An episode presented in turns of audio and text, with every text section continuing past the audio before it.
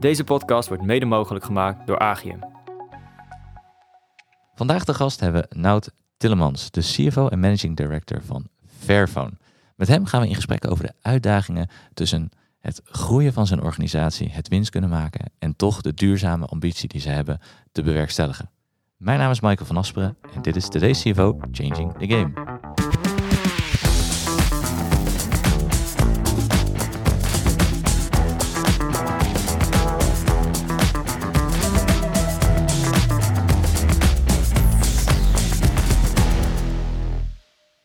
Nout, welkom. Dankjewel. Leuk dat je er bent. Zeker. Heb Leuk je er zin in deze ochtend? Ja, zeker. Middag? Ja. Leg, ligt aan wanneer mensen luisteren. Precies, precies. Nee, ik heb er zin in. Kijk, heel goed, heel goed. En eh, ehm, nou, mensen eh, die kijken, die zien niet alleen eh, jou zitten, maar naast mij ook Jip van der Plas, een van mijn collega's, van onze jong Agim professionals.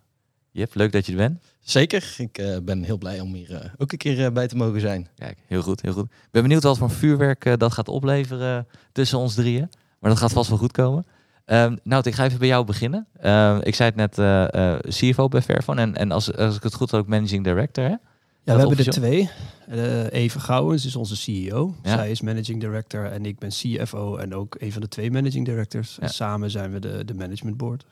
Kijk, en dat doe je sinds 2019. Ja, klopt.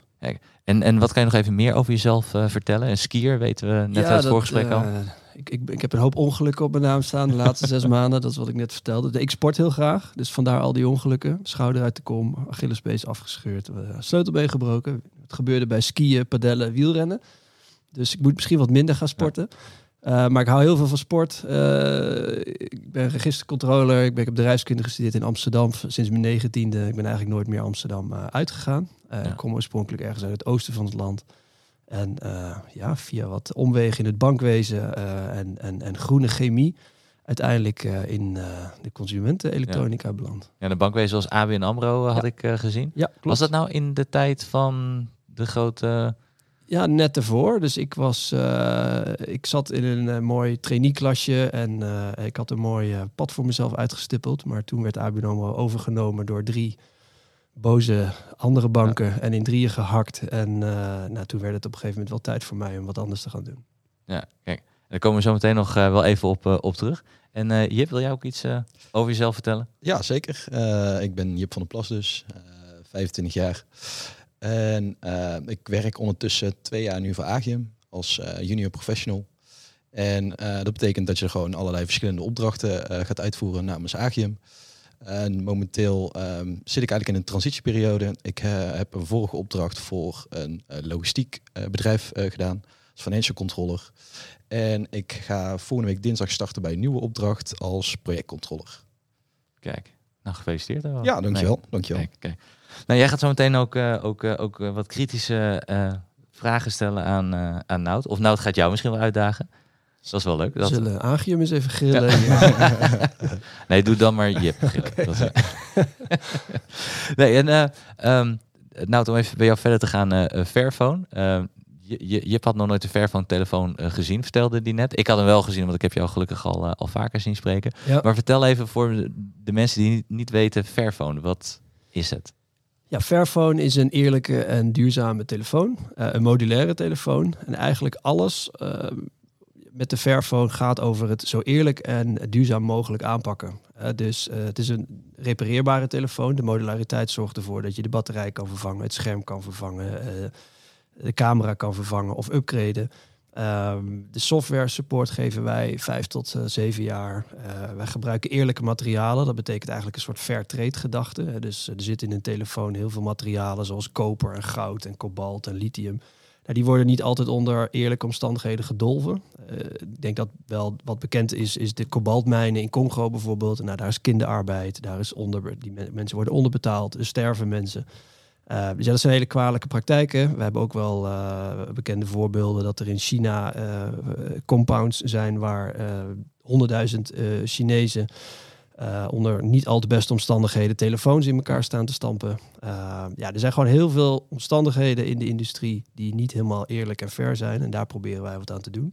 Dus fair to people is wat we altijd zeggen en fair to planet. En, en dan in de meest holistische vorm. Ehm, ja, proberen wij eigenlijk alles omtrent onze telefoon ja, beter te doen. Ja, want een van, jullie missie is ook echt om die telefoonmarkt, of eigenlijk de Apples en de Samsungs te laten zien dat het op een andere manier kan ook. Hè? Ja, onze missie is om aan te tonen dat er een markt is voor eerlijke en duurzame uh, producten. Um, en dat willen we doen door ja, zelf een product in de markt te zetten waar vraag naar is en waar je ook gewoon een boterham mee kan verdienen. Maar vervolgens ook uh, het, het doet onder eerlijke en duurzame omstandigheden. Ja. Om zo de Apples en de Samsungs eigenlijk te challengen en te inspireren om het anders te doen. Maar ook vooral om de consumenten te laten weten van hé, hey, het kan ook anders. En ja. uh, zolang de consument maar uh, daar dan ook vervolgens uh, aangeeft om daar behoefte aan te hebben, dan volgen de Samsung en de Apples vanzelf. Ja. ja, dat zie je meestal wel. Je hebt een frontrunner nodig die, die het doet. En ja. dan hoop je de grote jongens mee te, te krijgen. Ja. En, en hoe, hoe kwam je met ver van in contact? Um, nou, ik werkte op een gegeven moment uh, na het bankwezen heb ik negen jaar bij Avantium gewerkt. Uh, vanuit het bankwezen zat ik op een gegeven moment in wat soul searching van nou wat wil ik nu na acht, negen jaar. En toen uh, wilde ik graag in een scale-up omgeving werken. ik wilde graag in een wat kleiner bedrijf werken om wat meer impact te hebben van mijn eigen acties. ik wilde ook wat meer purpose. Um, ik woon graag, ik woon in Amsterdam en ik woon en werk graag in dezelfde stad, want ik haat in een auto stappen en, uh, uh, en forensen, zeg maar. Ook al ben ik uh, wel vanochtend hier naar, ja. naar Delft gereden, maar dat doe ik la, liefst zo min mogelijk. Dus ik had een heel lijstje met waar wil ik graag werken. Nou, daar heb ik eerst negen jaar bij Avantium gedaan. Dat is een bedrijf die zich bezighoudt met groene chemie en met bioplastics en vooral materialen maken uit niet-fossiele grondstoffen. Nou ja, na negen jaar een scale-up omgeving, uiteindelijk een, een, een IPO... Uh, maar ook de ambitie om zelf CFO te worden. Uh, ja, ging ik daarna in 2018 ongeveer weer nadenken. Toen had ik nog steeds bijna het helemaal hetzelfde rijtje. Dus weer duurzaam, Amsterdam, uh, jonge dynamisch, scale-up omgeving. Want ik hou van het avontuur van een scale-up. Ja. Amsterdam. Nou, en toen kwam ik bij, bij Fairphone eigenlijk uit. want die tikte al die boxen. En ja, daar ben ik uiteindelijk dan als CFO terechtgekomen. Uh, dat wilde ik graag. En ik vind ook de combinatie CFO en Managing Director heel leuk. Want ik ben wel een financial, maar niet een hardcore financial. Uh, dus ik vind het ook leuk om andere dingen me daarmee bezig te houden. Dus ik ben bij Fairphone ook eigenlijk een beetje de COO. Dus ik hou me vooral ook met het maken van de telefoon bezig ja. bijvoorbeeld. Nou goed, een hele brede, fijne rol. En, en dat, dat doe ik nu met, uh, met veel plezier, bijna vier jaar bij, bij Fairphone. Ja, kijk, dat klinkt in ieder geval als een mooie evolutie al in, jouw in jouw carrière. Ja. Vraag tussendoor. Uh, loop je dan ook tegen bepaalde dingen aan waarvan je denkt van oeh, dit is uh, lastig om die twee functies uh, te combineren? Um, nee. Ja, ja, ik loop natuurlijk ik loop de hele dag tegen problemen en moeilijkheden aan. Maar het is eigenlijk een hele logische combinatie wel, CFO en, en de COO kant. Omdat het heel erg beide is op kosten, marge, efficiëntie, processen. Er zijn wel heel, wat, heel, wat, heel veel overlappen. En soms als COO heb ik wel de neiging om wat meer kosten te maken, want dan is mijn leven wat makkelijker. En dan moet ik me als CFO moet ik mezelf uh, met de zweep slaan van ja, dat wordt te duur. Dus dat, daar zit wel natuurlijk een soort uh, uh, ja, trade-off in. Maar het gaat wel heel goed samen eigenlijk. Okay. Dus je bent niet schizofreen dat je af en toe tegen jezelf in de spiegel praat. Nee, dit kunnen we niet doen. de CFO zegt. Uh, ja, nou ja, wel. Ik moet mezelf natuurlijk ook wel disciplineren. Ja. Maar ik ben gewoon van nature zo kostenbewust. Dat, en dat is een CEO over het algemeen ook. Dus dat, dat past denk ik wel. Ja, en ik vind het ook wel mooi dat, dat, dat eigenlijk jouw, jouw persoonlijke waarden dus heel erg stroken met, met, met waar het bedrijf voor staat. Uh, ja, zeker. Uh, ja, dus kijk, ik, ik, ja, bij, bij Fairphone ja, waar ik voor sta, is, is ook gewoon transparantie, eerlijkheid. Uh, ik, ook niet over de rug van anderen winst maken. Ik vind het ook super leuk om, uh, om, om een markt uit te dagen. dus ik ben wel een recalcitrant mannetje, zeg maar. Dus ik vind het bij Avantium vond ik het heel leuk om de chemische industrie uit te dagen. dat, dat, ook, dat je ook materialen en, en, en, en fuels kan maken uit niet-fossiele grondstoffen. Nou, bij Vervo vind ik het super leuk om de Apples en de Samsung te laten zien dat het echt anders kan. Dus die, ja, dat uh, recalcitrant zijn, ja. uh, dat, dat ben ik eigenwijs. Ja, dat, dat hoort hier ook wel bij en dat is Vervo ook. Maar dat kon je bij ABN AMRO en RBS niet doen? Um, minder. Minder. Ja. nou ja, ik heb uh, bij ABN AMRO was ik ook uh, een hele trotse werknemer. Uh, vooral omdat ABN AMRO toen ik te werkte echt een multinational was. Een ja, super fijne plek. En daar heb ik met heel veel plezier gewerkt. is geen kwaad woord over ABN AMRO. Ze zijn ook tegenwoordig aandeelhouder bij, bij Fairphone. Hè? Kijk. Dus, eh, dus nooit een kwaad woord over ABN AMRO. Uh, maar Nee, het, dat- het is een hele andere rol. Ja, andere rol, andere organisatie en veel minder makkelijk dan om, om echt die impact te kunnen maken die, ja, die, die zo in jou eh zit. Ja, nou, ik vond het wel lastig. Op een gegeven moment was het voor mij wel duidelijk dat een van de honderdduizend werknemers zijn. Dat, dat ligt mij niet. Ja. Maar ook de hiërarchie, eh, de, de, de, de form, het formele. eh, nou, dat was bij ABN AMRO viel het wel mee, maar RBS, dat was echt een eh, nachtmerrie. Dat was echt... nou ja, je kon, geen, eh, je kon niets doen zonder tien handtekeningen, zeg Ja. maar. Ja, dat, dat is niks voor mij. Het moet wel een beetje snel en empowerment. En Ja. eh, je moet wel tegen je baas kunnen zeggen dat je het er niet mee eens bent. Nou, dat komt bij RBS niet. Bij ABN AMRO wel. Maar dat bij RBS werkte dat helemaal niet. En dat Ja. is niks voor mij. Nee, inderdaad. En Jip, als je nou over die, eh, als je die missie hoort, hè? Ehm, er wordt natuurlijk heel veel gezegd dat ook jouw generatie is missiegedreven enorm belangrijk. Sp- Spreekt, spreekt dit aan? Ja, zeker wel. Ik moet eerlijk bekennen dat ik eigenlijk niet zo heel erg op de hoogte was van ehm, nou, die footprint eh, van, van telefoons en dergelijke. Ehm, maar dit zet me wel aan tot denken over eventuele eh, nou ja, overstappen, zeg maar. Ehm, dus ik vind het wel heel erg interessant. Ja, wellicht dat... eh, ik ben ook wel even benieuwd, zeg maar. Want ik, we hadden het er van tevoren al eventjes over. Qua tech misschien net iets minder dan de Apple en de Samsung. Ehm, zijn er dan in de toekomst ook al plannen bijvoorbeeld voor ehm, dat je die tech wel wil gaan uitdagen van een Apple en een Samsung om ehm, zeg maar een kwalitatief even goede telefoon te kunnen gaan leveren en of is dat eh, nog niet? En nu eh, ga ik je toch wel onderbreken, denk ik. Want als je nu, eh, laten we duidelijk maken, de, de Fairphone is echt een goede telefoon. Hè? Dus het is niet dat, die, dat, die, dat we een, een tandje beter moeten. In het verleden hebben we dat wel gehad. We hebben natuurlijk ook, we zijn een scale-up, dus we hebben ook een evolutie doorgemaakt. We hadden de Fairphone 1, de Fairphone 2. Ja, De Fairphone 2 kwam uit in 2015. Daarvan kunnen we achteraf wel zeggen dat was niet de beste telefoon. En daar ging er ook een hoop van stuk. Maar we zijn nu in 2023 hè, en, en de Fairphone 4, deze die hier voor je ligt, is echt een hartstikke goede telefoon. Uiteindelijk gaat het er altijd om dat je appels met appels vergelijkt. Eh, onze telefoon kost ook maar 649 euro of 579 euro, welke variant je kiest. Ja, je moet die natuurlijk niet vergelijken met de iPhone van 1000 euro. Want uiteraard heb je met een iPhone van 1000 euro betere tech specs dan een Fairphone van 649 euro. Eh, dus je moet hem dan ook wel vergelijken met een kleine iPhone van 600 of een Samsung van, van 600. Dan, eh, maar goed, dan, dan nog steeds inderdaad is er een kleine delta in tech specs. Dus er zit, je kan het ook omdraaien. Er zit een kleine premie in om de Fairphone eh, te kopen. Een, een Green Premium of een Fair Premium, hoe je het wil noemen. Ehm, maar wij, voor ons was het doel om een, gewoon een goede telefoon af te leveren. Wij zijn wel een volger op tech specs. Eh, dus wij gaan niet eh, voor de foldable telefoon of de allerbeste camera die je bij de iPhone, weet ik veel, 14 Pro of hoe heet die, eh, van, van 1200 euro. Dat, dat is niet ons doel. Wij mikken ook echt op het prijssegment tussen de 5, 6, 700 euro. Ehm, ja, en daar, daar die specs die zijn gewoon hartstikke goed. Ja. Ja, en, en de wens inderdaad om misschien dan te willen concurreren met, met de S23 en de Samsung 14 Pro, welke, welke tegenwoordig. Dat hoeft eigenlijk ook helemaal niet voor, voor jullie. Nee, dat is niet onze doelgroep. Want als je echt eh, gaat voor de aller, allerbeste camera, ja, dan, dan, dan wil je die iPhone. Ja. En ehm, wij zoeken de, de, de gebruiker die eh, gewoon een normale telefoon nodig heeft met een goede camera. eh, maar uiteindelijk ook eh, eerlijkheid en duurzaamheid super belangrijk vindt. Ja.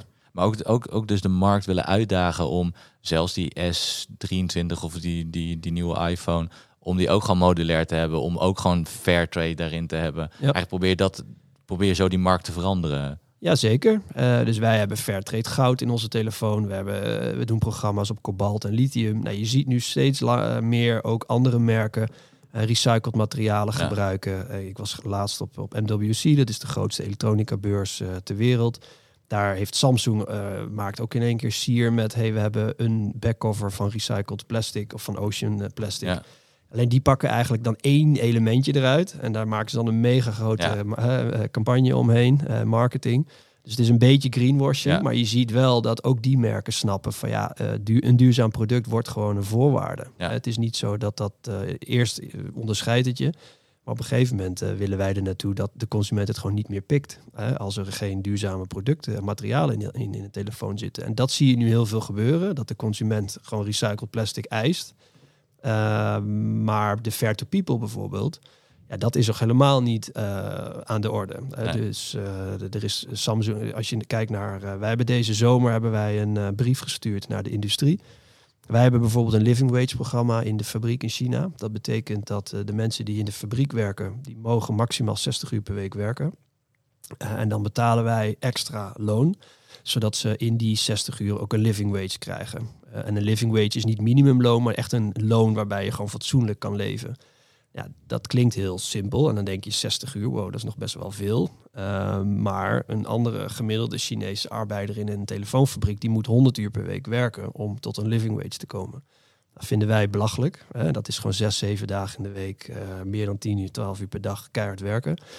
Ja, zo wordt wel jouw iPhone in elkaar gezet. Uh, nou, ik, ik vind dat niks. we, hebben deze, we hebben natuurlijk met het voetbal in Qatar geleerd hoe die stadions in elkaar worden gezet. En dat vinden we allemaal wat van. Maar hoe de telefoon in elkaar wordt gezet in de Chinese fabriek, dat, dat, dat weten we nog niet echt. Uh, als je erop gaat googlen, kom je van alles tegen. Maar ja, uh, nou goed. Ja, wij, wij proberen dus echt ook gewoon op, op de fair to people ook de consument uh, duidelijk te maken van weet wel wat er achter jouw telefoon allemaal gebeurt.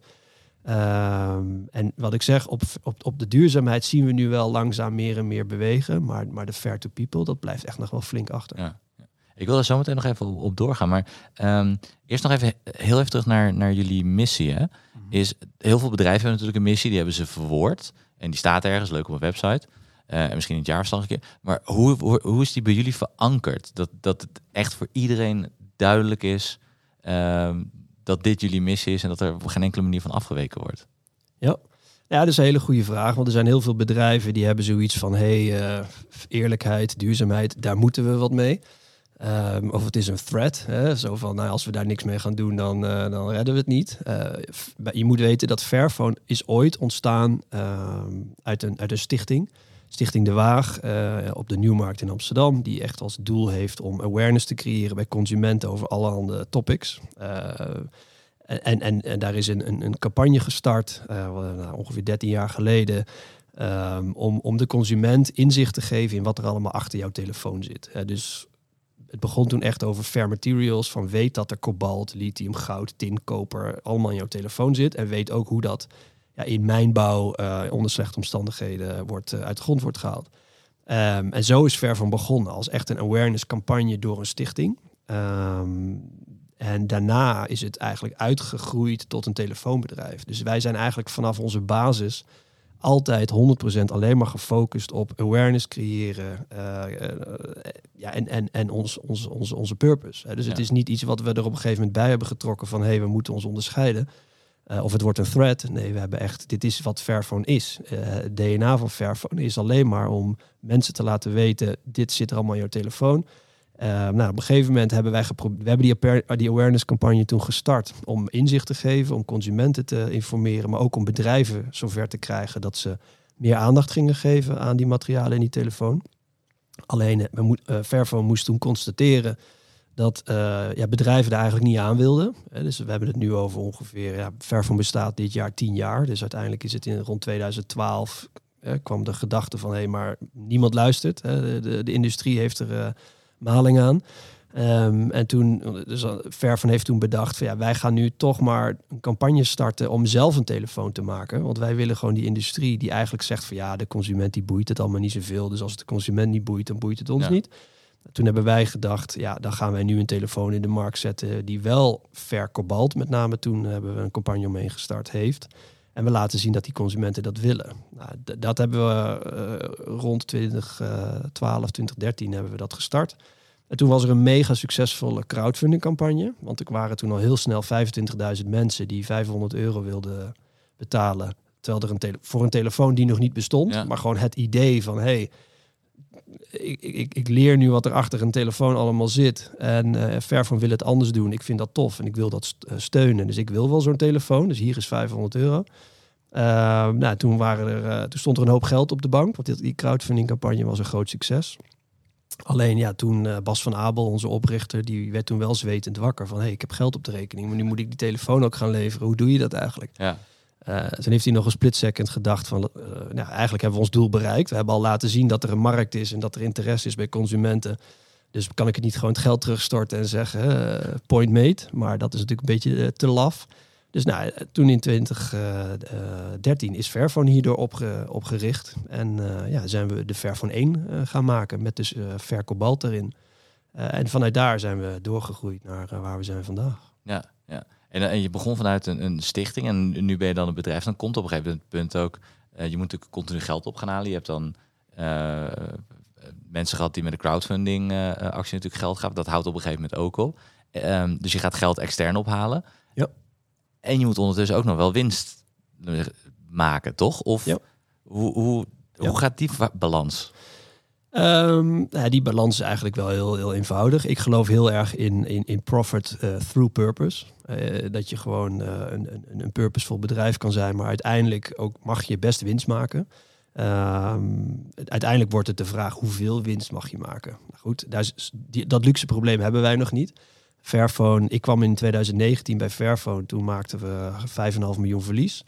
Ehm, het was ook echt een uitdaging om winst te gaan maken. Want je, ja, ik, ik gaf wel aan dat onze missie is om te laten zien dat er een markt is voor eerlijke en duurzame producten. Nou, bij, in mijn eh, opinie hoort daar ook bij dat je laat zien dat je je eigen broek op kan houden. Ja. Dus dan moet je ook winst maken. In ieder geval break-even draaien. Nou, dat doen we sinds 2020. Dus daar zijn we heel trots op. Dus we hebben nu de afgelopen drie jaar eh, winst gemaakt. Maar echt een paar ton. Dus we hebben het niet over eh multimillions, maar net krap aan. En ehm, maar ja, dat, dat, dat, gaat prima hand in hand. Want het past bij onze missie om uiteindelijk ook gewoon eh, onze eigen broek op te houden. Eh, sterker nog, als wij verlies zouden blijven maken en je, moet, ja, je bent afhankelijk van subsidies of je bent afhankelijk van eh, investeringsrondes. Ja, dat, dat is niet een duurzaam businessmodel. Eh, en dan laat je ook niks zien. En dan, dan motiveer ik niet de Apples en de, de Samsungs om het anders te doen. En wat ik heel tof vind, is dat wij nu dus winstgevend zijn. Terwijl we nou, grofweg eh, 120.000 telefoons eh, per jaar eh, verkopen. Terwijl er dus ook merken zijn, LG bijvoorbeeld, die stoppen met hun telefoon terwijl ze miljoenen telefoons verkopen en het lukt hun niet om winst te maken. Ja. Hetzelfde voor Sony. Eh, Die draaien ook verlies op hun. eh, die verkopen miljoenen telefoons en die draaien verlies. Dus ja, ik vind het heel tof om te laten zien dat, dat het ook anders kan. Eh, en de winst maken, dat hoort echt wel bij ook het aantonen dat die markt er is. Dus dat gaat bij ons wel hand in hand.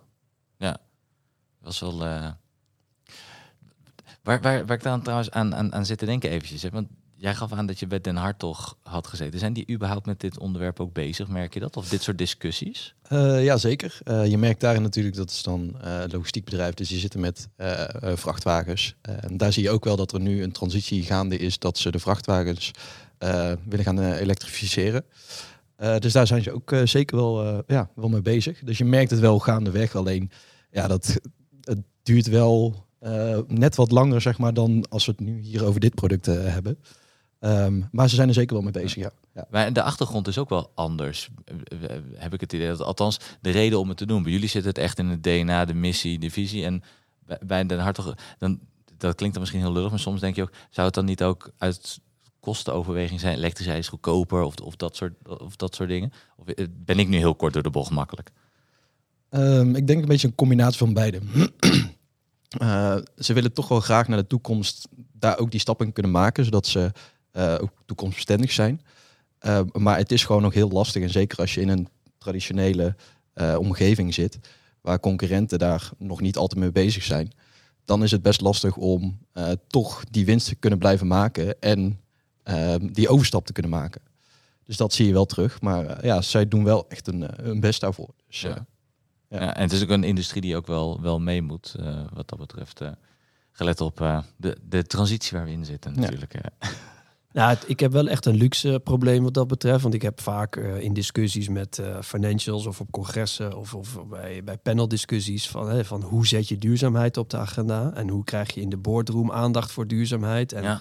en, dan zit je met een sustainability manager die helemaal zich moet invechten in de onderneming van hoe krijg ik het op de agenda. Dat probleem heb ik niet. Het, Nee. is, het is bij ons gewoon altijd het nummer één. En eh, ja, dat maakt het ook dus het, het, het, het duurzaamheid makkelijk. Eh, de winstoriëntatie wordt weer wat moeilijker. Moeilijker, dat is ja. weer mijn uitdaging. en ik heb eh, ja, regelmatig discussies met medewerkers van hoezo moet het goedkoper of hoezo moeten we winst maken eigenlijk. Ja, dat, dat, dat is natuurlijk wel interessant, want ik heb uiteindelijk heel veel mensen werken bij Fairphone met een profiel die echt intrinsiek gemotiveerd zijn om het verschil te maken, om een eerlijk en duurzaam product te maken. Eh, die, zijn, die hebben wat minder met winst maken. Ja. Eh, nou ja, daar moet je echt een goede balans in vinden. En mijn, mijn eh, uitdaging zit met name in, ja, maar we moeten ook winst maken. Want uiteindelijk willen investeerders ook een return. Ehm, ja, dus mijn, ik heb eigenlijk een soort omgekeerde uitdaging. Ja, ja. dat was een van de koppen volgens mij ook van een interview van jou. Dat we moeten winst maken, ja, we moeten winst maken om impact te kunnen maken. Ja. Dus je, je, hebt, Klopt. je hebt het nodig. Maar dat is dus het verhaal wat je intern ook continu moet, moet Ja, vertellen aan die nou, mensen. kijk, iedereen snapt nog wel dat je break-even moet draaien. Hè, want niemand, iedereen snapt dat je op een gegeven moment eh, houdt het op als je maar geld blijft verbranden. Maar ja, dat je ook winst moet maken, eh, nou, dat, dat, dat gaat er wat lastiger in. Ja. En, maar wat wel een hele terechte discussie is, is van hoeveel winst mag je maken? En nou, bij Fairphone hebben we dat probleem nog niet echt. Heb want we over hebben, nagedacht al? ja, nee, zeker. zeker. Eh, kijk, wij hebben nog maar marginale winst gemaakt. En wij zitten echt nog in een groeifase dat je alle winst ook terug investeert in het bedrijf. We hebben nog nooit dividend uitgekeerd. Maar het is een hele terechte discussie, ook voor onze klanten en onze partners op een gegeven moment. Van ja, als, als die gaan lezen of gaan horen van ons dat we bij wijze van spreken eh, exorbitante dividendstromen aan het uitkeren zijn. En dan gaat iedereen zich natuurlijk wel achter zijn oren krabben. Dus daar hebben we ook wel afspraken mee met aandeelhouders dat dat toch wel ja, eh, gelimiteerd is. Ja. hè, wat je aan dividend gaat uitkeren en wat je aan winst mag maken. Want uiteindelijk hoe, eh, willen wij natuurlijk gewoon zoveel mogelijk geld ook steken in programma's, in mijnen. eh, en onze telefoon zo duurzaam mogelijk maken.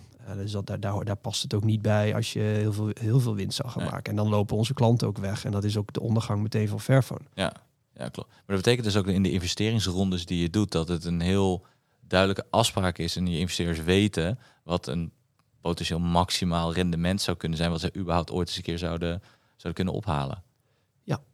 Nou ja, er is wel rendement. En ja, wat, is, wat, is, eh, wat is een goed rendement? Kijk, eh, je moet niet in Fairphone investeren als je binnen drie jaar keer 10, keer 15 wil. Nee. Eh, dat, dat, dat, dat, eh, dat is de echte venture capital eh, partijen die, die eh, zijn niet geïnteresseerd. Maar de impact investor, eh, die wel. Ja. En eh, nou, we hebben onlangs een fundingronde ge- ges- afgesloten. Ehm, daarbij hebben we ook, zijn we eigenlijk de, de allereerste onderneming geweest bij. we, hebben ooit een crowdfunding acquisitie gedaan. Dus niet die crowdfunding helemaal in 2013, maar we hebben later nog een keer een crowdfunding gedaan om eh, 2,5 miljoen uit de markt te halen. Dat was in eh 2017. En eh, die crowdfunders, die hebben we dus in deze ronde ook eh, geld kunnen teruggeven. eh met uiteindelijk een rendement van ongeveer 15% per jaar.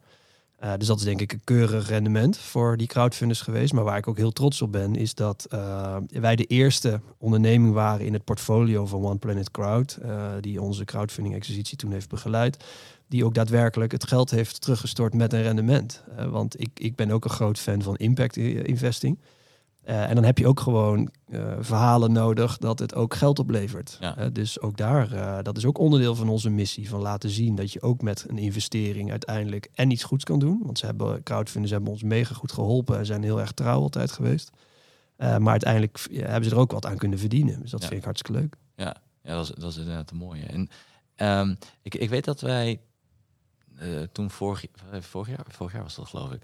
Ehm, toen had je het ook over dat jullie impact KPI's hebben. Want je stuurt dus Ja. niet alleen op, op de financiële eh, eh, resultaat, maar nog veel belangrijker op, op impact KPI's. Wat, Klopt. waar, waar, waar kijken jullie dan voornamelijk naar? Wat zijn die KPI's? Nou, we hebben zeven KPI's. En daarvan zijn er vijf op impact en twee financieel. Ja. En de financiële zijn vrij simpel, salesvolume en EBITDA.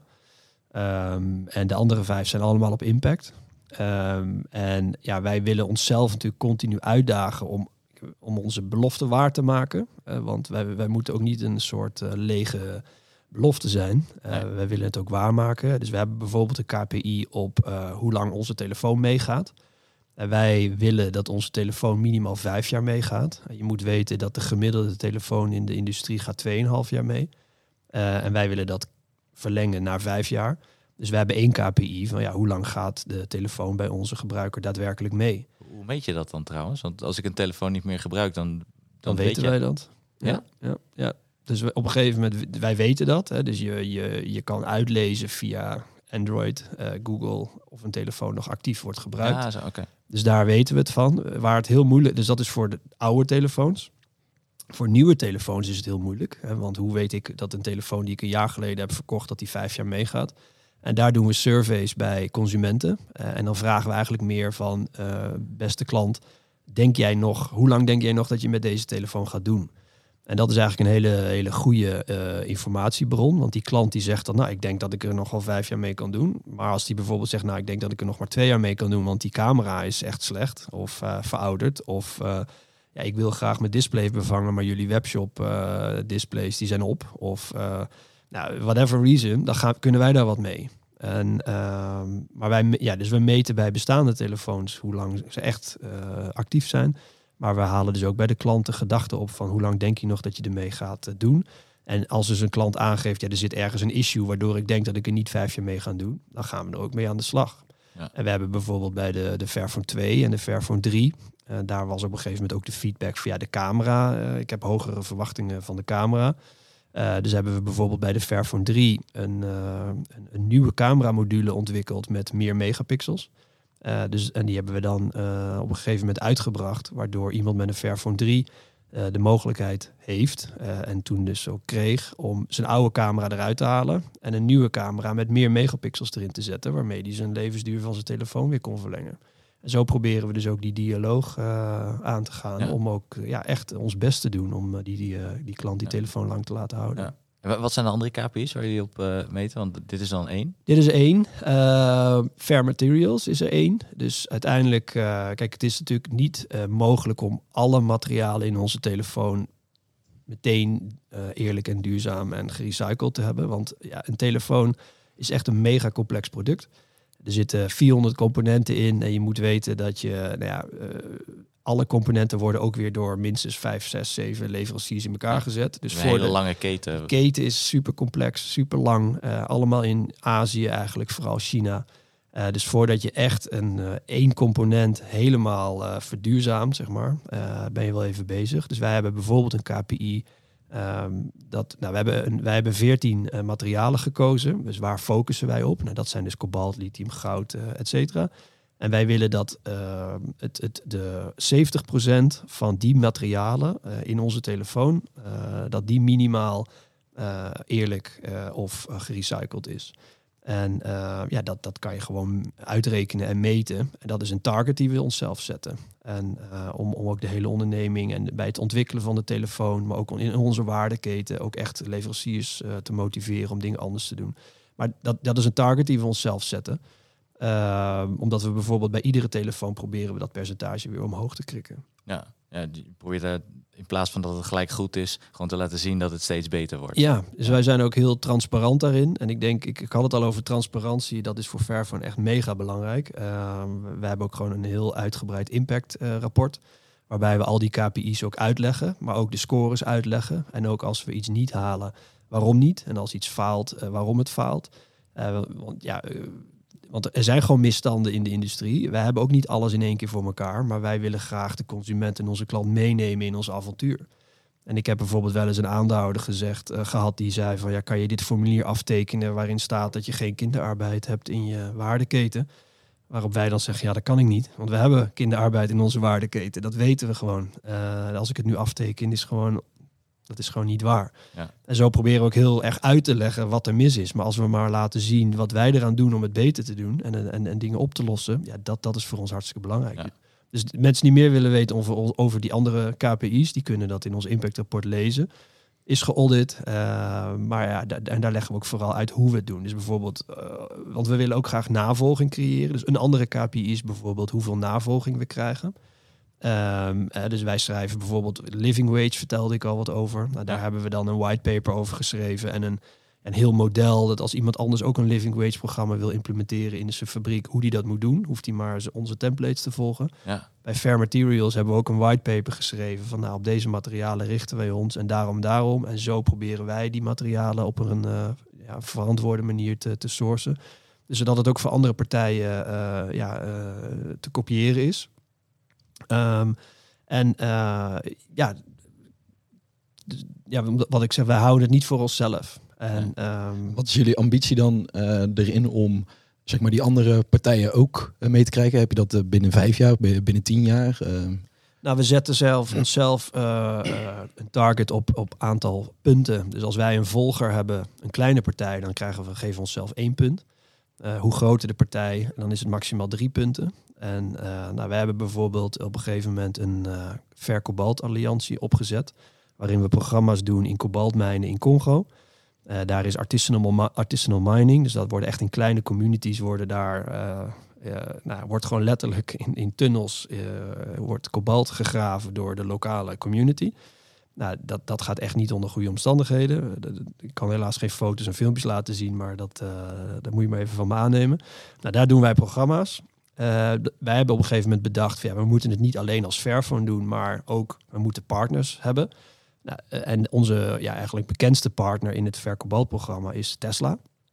Die doet uh, daar ook in mee, die draagt financieel daar ook in bij. ja, en dan kan je je voorstellen dat Tesla, die, had, die verdienen wel drie punten. dus als wij, ja. even uit mijn hoofd, hadden we geloof ik onszelf als target gezet om 20 punten te verdienen in twee jaar. Nou, Tesla is dan drie punten. Uh, nou, als Den Hartog zal, uh, zou volgen met iets, dan is het waarschijnlijk één punt. En zo proberen we onszelf te challengen om dus ook bedrijven mee te krijgen. Uh, niet alleen om te zorgen dat die partijen het beter doen, maar ook uiteindelijk voor meer draagvlak, voor meer leverage voor ons. En hoe meer partners wij hebben, hoe meer impact we dan ook echt op de grond of te plekken kunnen hebben. En dat is ook een van de redenen waarom we willen groeien. Want hoe groter wij zijn, uiteindelijk hoe makkelijker ons leven wordt. En niet alleen om, uh, om, om te overleven als onderneming, maar ook het impact hebben. Ja. Met iedere telefoon die wij verkopen, hebben we meer impact. Ja, ja, die, want dat is ook een van de dingen die je aangaf. Dat die schaalgrootte bereiken, dat wordt wel essentieel voor het, uh, voor het succes. Ja, het is essentieel uh, voor eigenlijk gewoon bedrijfskundige redenen. Uh, economies of skill, ja. uh, maar ook partners die op een gegeven moment gewoon willen dat je groter wordt. Want anders dan uh, raken ze een beetje op je uitgekeken. Daar kan ik zo wel wat meer over vertellen. Maar uiteindelijk, ja, iedere telefoon die gemaakt wordt, daar krijgt een Chinese medewerker een, een, een living wage bonus voor. Uh, hoe meer eerlijke materialen wij in onze telefoon hebben, hoe meer, hoe meer we kunnen bereiken ja. in een goudmijn en in een, in een kobaltmijn. Ja. Dus ja, dat is natuurlijk. Uh, en, en ook uh, hoe lang, hoe, als iemand onze telefoon neemt en die gaat vijf jaar mee, of iemand neemt een, ja, een hele goedkope Huawei die twee jaar meegaat en die, die, heeft er dan twee nodig, ja, dan ja, het scheelt ook e-waste. Het scheelt ook gewoon materialen. Ja, ja. Er zijn heel veel redenen waarom ja, wij gewoon moeten groeien. Ja. En, en voor, voordat ik zo meteen dan vraag waarom mensen op jullie uitgekeken uh, kijken is. Uh, je zei net dat die, die impact, die niet-financiële impacts, die worden ook geaudit. Wie is er verantwoordelijk voor die rapportage van die, van, van, van die impact KPI's? Is dat finance? Is dat de duurzaamheidsofficer? Is um, ja, het is een beetje zoals ik, ik bij Avantium werkte ik in de chemie. Daar was een belangrijk onderwerp veiligheid. En dan is altijd het verhaal veiligheid is niet van de ja, ja. veiligheid officer, dat is van iedereen. Nou, dat is bij ons met impact eigenlijk. Dat is van iedereen. Uh, uiteindelijk hebben we wel een apart team. Uh, dus we hebben een impact innovation team. Uh, maar die, dat, dat, staat letterlijk voor innovation. Dus die zijn echt heel erg bezig met de lat steeds hoger leggen. En ook dingen voor elkaar boksen. Maar op een gegeven moment als het draait, dan gaat het... Hè, dus als wij een living wage programma bijvoorbeeld hebben met onze manufacturing partner... En dan gaat het wat meer naar het operations team, naar het supply chain team. En zo zijn eigenlijk alle teams daarmee bezig. En uh, ja, natuurlijk, het jaarverslag wordt vooral geaudit en daar is de, het finance team in de lead. Bij ons is het, uh, als het impactrapport wordt geaudit, is wat meer ons impact innovation team in de lead. Maar het voor elkaar boksen van en het halen van die KPI's, ja, dat wordt uiteindelijk door iedereen binnen Fairphone uh, wordt daarin bijgedragen. Maar je hebt nog niet die twee samengevoegd, het financiële nee. rapport en het impactrapport. Nee. Is het bewust? Um, dat is bewust waarschijnlijk, maar. Ja, nou ja, bewust. Het zou natuurlijk ideaal zijn om dat wel samen te voegen. Uh, maar ja, dat, dat hebben we, nog, we hebben nog niet de, de, uh, het format gevonden dat je dat efficiënt kan doen. Dus dat, er is ook nog niet een auditor, denk ik, op dit moment perfect geschikt om beide te doen. Ja. En dus we hebben uiteraard met onze huisauditor daar gesprekken over van, joh, het liefst zouden wij het integreren. Uh, dus die gesprekken zijn er wel. Dat gaat op, de, op een gegeven moment ook wel gebeuren. Maar tegelijkertijd is het ja, echt hardcore accountancy of echt impact audit. Is ook wel misschien wel een expertise ja. die misschien niet helemaal goed samengaat. Terwijl het wel heel erg belangrijk gaat worden uh, gelet op uh, de CSRD-regelgeving, mm -hmm. ESG en dergelijke, wat eraan zit te komen vanaf volgend jaar geloof ik voor beursgenoteerde bedrijven. Mm -hmm. Dus um, het moet wel echt samengebracht gaan, gaan worden, toch?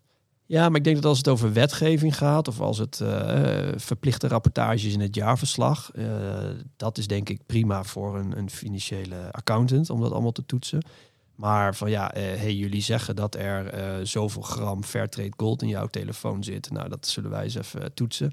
Ja, dat is dan wel weer echt net even een andere skillset, denk ik. maar het zou samen moeten kunnen gaan. Kijk, als je, een, als je één of twee KPI's hebt, dan zou het misschien ook nog wel uh, te integreren zijn. Maar wat ik zeg, bij ons is ons impactrapport gaat eigenlijk over ja, heel veel KPI's. Want we hebben er vijf op de voorgrond, maar we hebben nog veel meer uh, eh, KPI's op, uh, die, die, wat minder naar de, op de voorgrond staan. Ja, dat wat ik zeg, dat is toch wel goed om daar een gespecialiseerde partij bij te hebben. Die ons ook echt kan adviseren van ja, hoe doe je nou een programma in een mijn in Congo? dus het is niet alleen auditen en, en vinkjes checken. Uh, maar ook van, hé, hey, maar jullie doen een programma in, in mijn in Congo, maar kan je dat niet beter zo inrichten of zo inrichten? Ja, daar heb je natuurlijk weer hele andere uh, skills voor nodig. Ja, ja snap ik. Uh, je ben je al klaar om impactrapportages zo meteen te gaan maken? Zeker weten, zeker weten. Nee, wel natuurlijk een heel interessant onderwerp. Um, want dat is denk ik ook nog wel. je ziet dat het in de traditionele wereld allemaal nog niet daarop gefocust is. dus daar denk ik dat je ook nog wel grotendeels afhankelijk dus bent van uh, ja, die transitie bij hun eigenlijk. Um, dus ja, dat, dat is ook nog best wel een lastige kwestie, denk ik. Ja, maar er zijn uiteindelijk meer en meer uh, gespecialiseerde partijen die ons prima kunnen helpen. Dus het is niet zo dat wij uh, ons nu bij één partij melden en dat is de enige. er zijn genoeg partijen die ons kunnen, kunnen ondersteunen. Heb je ook al andersom dat partijen bij jullie aankloppen? Van goh, jullie doen allerlei goede dingen. Vertel me er eens meer over. Of ja. volgens mij moeten wij samen gaan werken. Ehm, ja, er zijn heel veel partijen uh, die uitreiken. Um, maar dat is ook wel soms voor ter inspiratie. Uh, dat ze zeggen, ja, wij willen ook iets met duurzaamheid en eerlijkheid. En ja, jullie ja. doen dat en kunnen we wat van jullie leren. Ja, dat, dat is soms wel lastig. Want ik vind het altijd hartstikke leuk om over Fairphone te praten. Want een van onze pilaren is awareness creëren. Dus we willen heel graag ook heel veel over Fairphone praten. Daarom zit ik hier ook.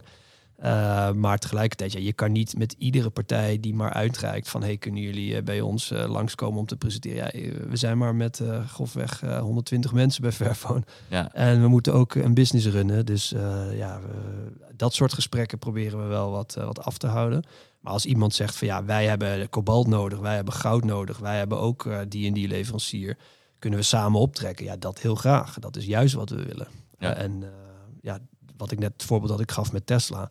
Ja, er zijn nog veel meer partijen die met ons samenwerken. Dus dat, dat vinden we heel, heel, heel fijn. Want wij willen echt schaalgrootte om uiteindelijk ook veel meer power te hebben naar die leveranciers toe. Want wij moeten uiteindelijk die Chinese leverancier die uh, het moederbord maakt van, van de telefoon die zegt van ja, ik heb helemaal geen zin om daar recycled plastic in te doen, want mijn klanten die vragen daar niet naar ja, als wij dan in plaats van onszelf nog vijf klanten meenemen en zeggen, ja, maar we zijn nu met zes klanten en wij willen wel dat jou, uh, dat er recycled plastic en fairtrade gold in zit, ja, dan gaat die natuurlijk wel om.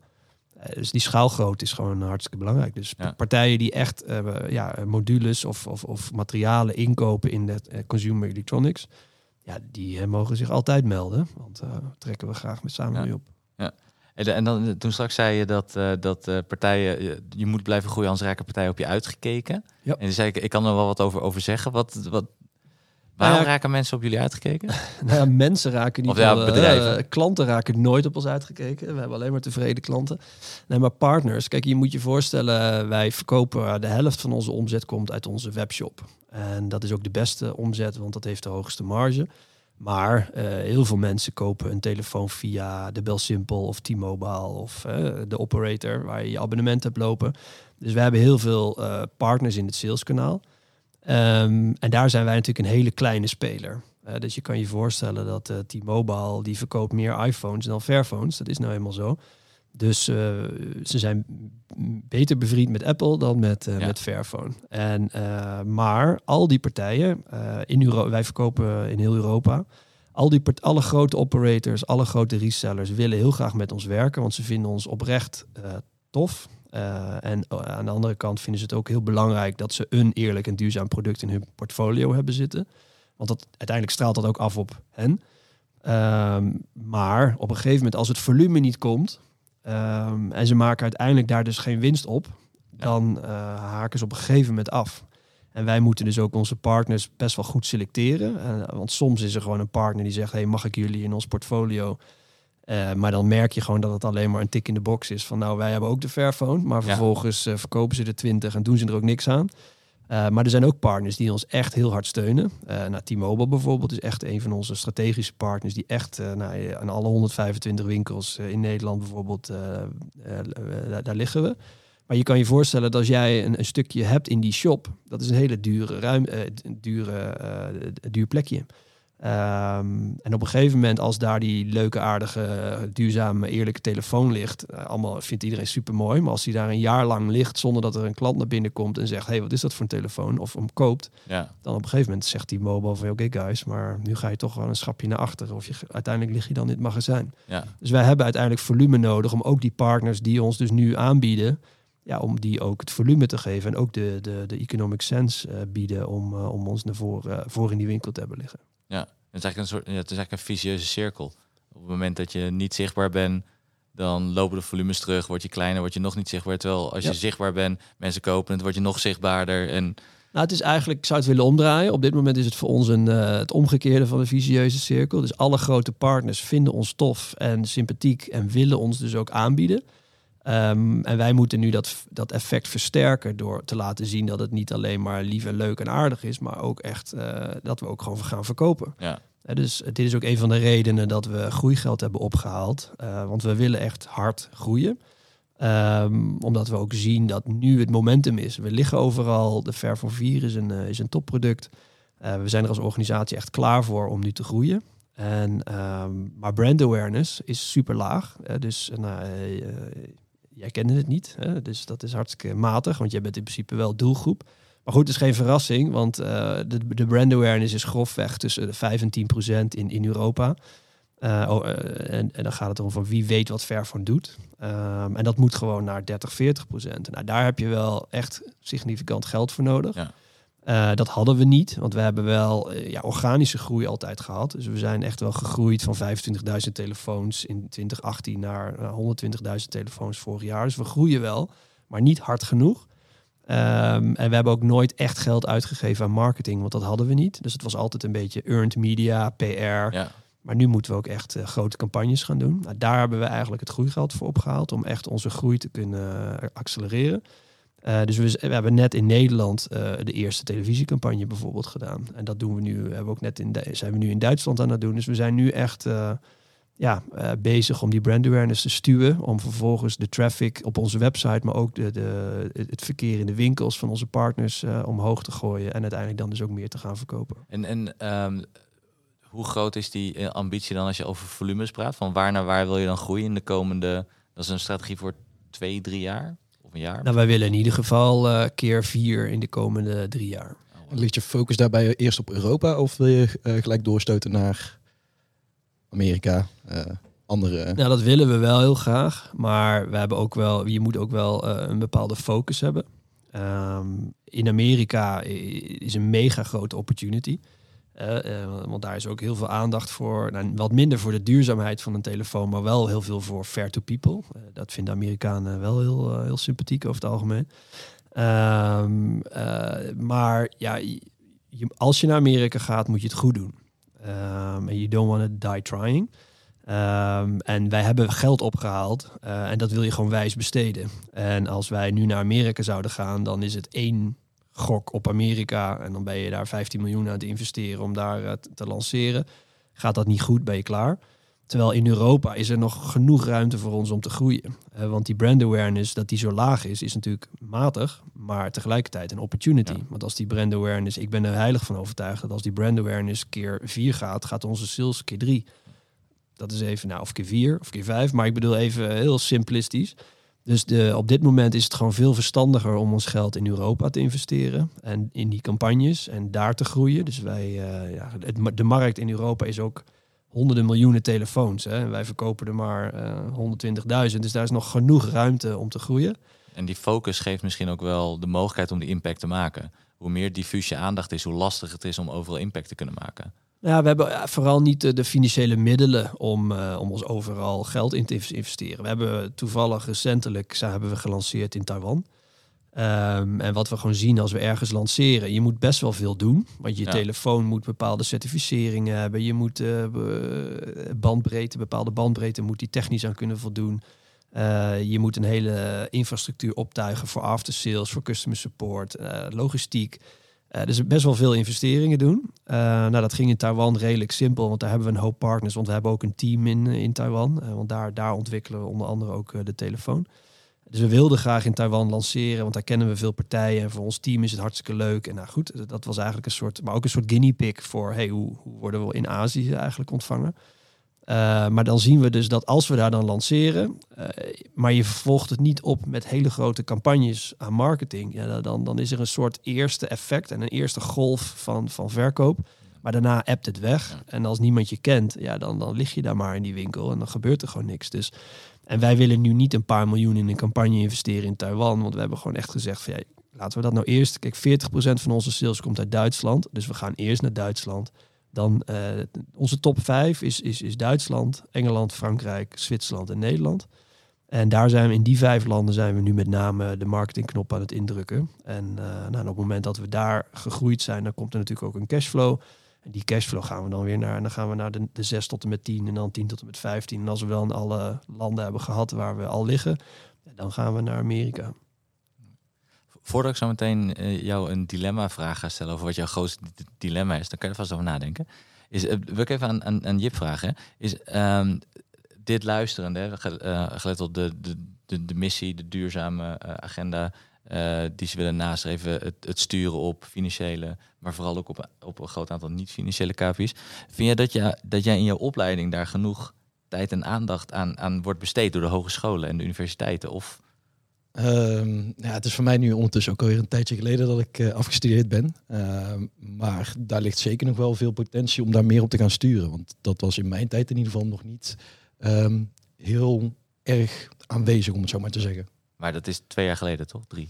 Eh, nou, echt daadwerkelijk. Dus je hebt natuurlijk ook nog eens met een, een, eh, een scriptie en dergelijke. Ja, ja, ja. Dus dat je het echt daadwerkelijk meekrijgt in, ja, in lessen en dergelijke. Ehm, Hoe lang heb jij over je scriptie gedaan? Goeie vraag. Dat antwoord dat, eh, gaan we niet disclosen vandaag. Nee. Andere keer. nee. Maar waar, vind jij dat er genoeg aandacht aan besteed wordt, uh, Nout?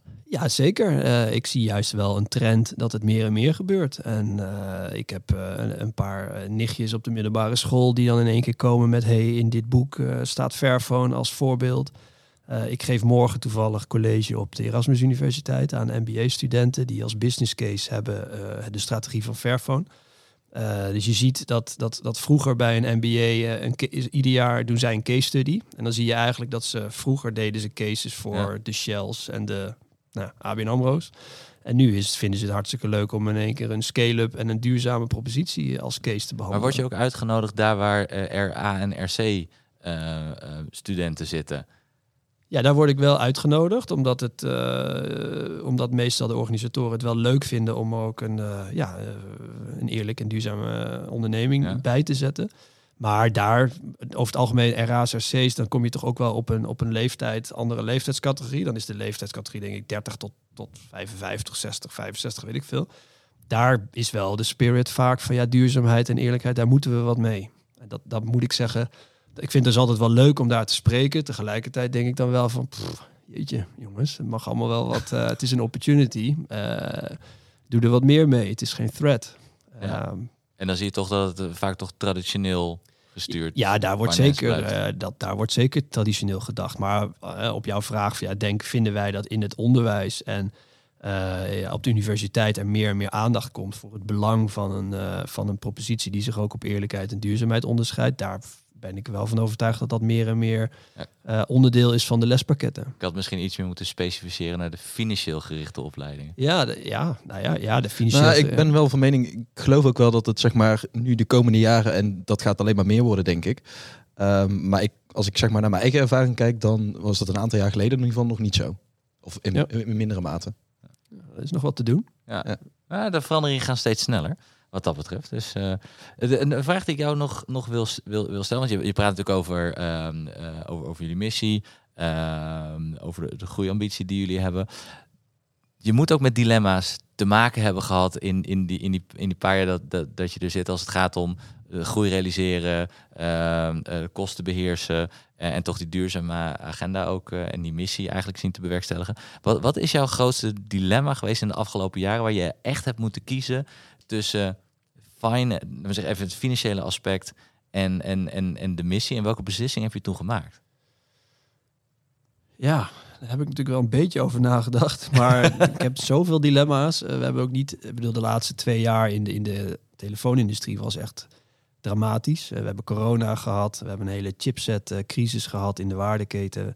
Uh, zoveel dilemma's. We hebben net een fundingronde trouwens gedaan. Wat ik zei, dat daar zaten ook heel veel dilemma's. Want wij uh, misschien ik kom daarna terug je mag, op je, je vraag. mag ook twee noemen. Ik, maar wat vooral bijvoorbeeld heel belangrijk is in, in die fundingronde, dat wil ik nog wel even vertellen, is dat uh, wij moest, moeten onze DNA beschermen. Hè? Dus de, Ja. de, de uitdaging voor mij en, en, en Eva was echt om aandeelhouders aan te trekken die echt de missie van Fairphone ondersteunen. En het is natuurlijk altijd verleidelijk om, ja, als iemand wil investeren, om te zeggen ja, hè, geld en groei en eh, we gaan ervoor. Maar wij hebben echt wel ook nee gezegd tegen investeerders omdat wij een investeerder willen. We hadden twee, eh, we wilden drie dingen. We wilden eh, zeker weten dat de investeerders die in Fairphone investeren onze missie ondersteunen.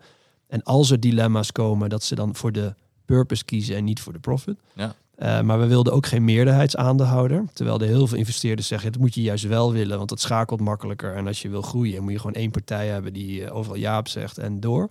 Maar wij in een impactbedrijf vind je het juist belangrijk dat er ook in de aandeelhouders uh, vergadering een soort checks en balances is. En dat, dat als iemand in één keer wel op profit gaat focussen, dat er dan een aantal andere aandeelhouders die zeggen van hé, hey, doe eens even normaal.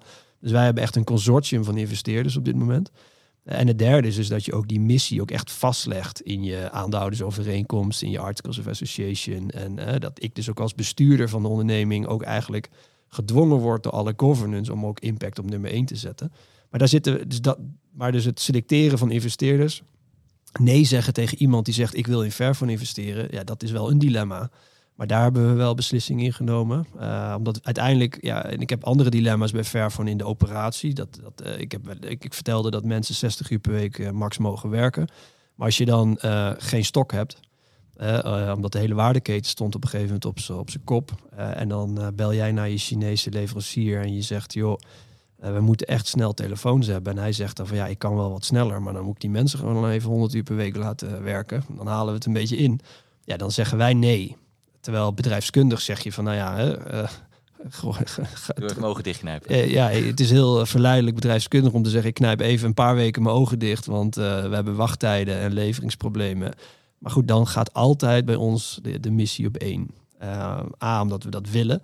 Maar B, omdat het gewoon niet uit te leggen is als je dan zegt van oké, okay, nu even niet. Uh, dus je, je ondermijnt gewoon alles waar je voor staat en je hele propositie. En ook gewoon als een klant dat zou horen, die zou ook meteen zeggen van hey guys, wat zijn jullie aan het doen? Dus op zich uh, is het, het is een dilemma, omdat je uit een reflex denk je soms van ja, ik wil, uh, ik heb die telefoons nodig. Terwijl je tegelijkertijd denkt van ja, maar we willen gewoon, ja, we willen wel vasthouden aan onze idealen. Ja. Heb je, heb je ook een keer toch misschien iets meer voor de, voor de profit kant gekozen? Nee. nee. Dus alle ja, je kijkt me aan ja, van nee. uh, wat een Ja, geloof maar... ik niet. Ja, nee. nee, ja, nee, ik bedoel uh, echt niet. Ja. Dus wel, is, het dan, is het ook een luxe dat jullie dat... Ja, is het eigenlijk een luxe dat je dat kan veroorloven? Of? Nee, het is helemaal geen luxe. Want uh, kijk, uh, nee, want uiteindelijk hebben we geld nodig. Hè? Dus, ja. en, en ik wil uiteindelijk wil ik ook die. Ik ben ook een, ik ben wel een financial die graag ook die winst wil maken. En als je als target hebt om break-even te draaien, maar je zit net rond dat break-even punt, dan is het natuurlijk uh, ja, heel verleidelijk om wel voor financiële beslissingen te gaan. Maar uh, ja, dan heb ik uiteindelijk dan liever uh, dat ik dan net de min in ga, bij wijze van spreken. Maar dat, dat kan ik wel uitleggen. Ehm, Zijn ja. dat dan ook beslissingen die je samen met Eva dan uiteindelijk ja.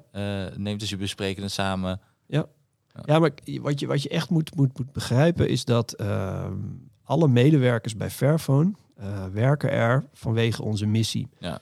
Um, en uh, we, hebben, we hebben zelfs een hele transitie moeten maken van een NGO-achtige omgeving naar ook Ja. een professioneel telefoonbedrijf. Want op een gegeven moment was het wel heel erg alleen maar missie, maar uiteindelijk moet die telefoon het ook doen. Uh, dus we hebben ook uh, wel daar, daar de juiste balans in moeten vinden. Maar wij worden ook door onze werknemers, als wij beslissingen nemen uh, die ja, ergens tegen onze missie ingaan, dan gaan we, gaat ook intern onze kop eraf. dus wij hebben eigenlijk een ontzettende gezonde checks en balances binnen de onderneming. En nou, Eva en ik doen iedere week een, een stand-up met het hele bedrijf waarin we alle beslissingen ook uitleggen. Ja, en als daar uh, in de ogen van medewerkers foute beslissingen bij zitten, dan uh, horen we het. Ja. Uh, dus, maar het is dus bij ons eigenlijk, ja, wij moeten heel veel dingen uitleggen. en het, zou, het, het, het, is niet uit te leggen als wij in één keer voor profit iets Nee. zouden doen. Nee, nee, klopt. En um, wanneer ben jij geslaagd? Zo meteen? Wanneer ben je klaar bij Fairphone? Natuurlijk nooit, want het is natuurlijk het mooiste bedrijf voor te werken. Maar... Ja, ja, de grap is, ik dacht eigenlijk nu hè, zo van, nou, uh, drie, ik ben in 19 begonnen, zwaar verlies. Ja. Um, nu zijn we drie jaar verder, uh, vier jaar verder, winst, uh, net geld opgehaald. Ver staat er financieel hartstikke goed voor. We hebben uh, ieder jaar de sales verhoogd. Dus je zou, het zou een mooi moment zijn om te stoppen. maar als nieuwe aandeelhouders dat horen, dan gaan ze dat niet waarderen, denk ik. Maar tegelijkertijd ga je nu weer een nieuw avontuur aan. Ja. Hè? Want nu vind ik het mooie van het avontuur van, nou kunnen we nu met dit groeigeld keer vier in drie jaar. Ja. Dus er blijft elke keer weer een nieuw avontuur.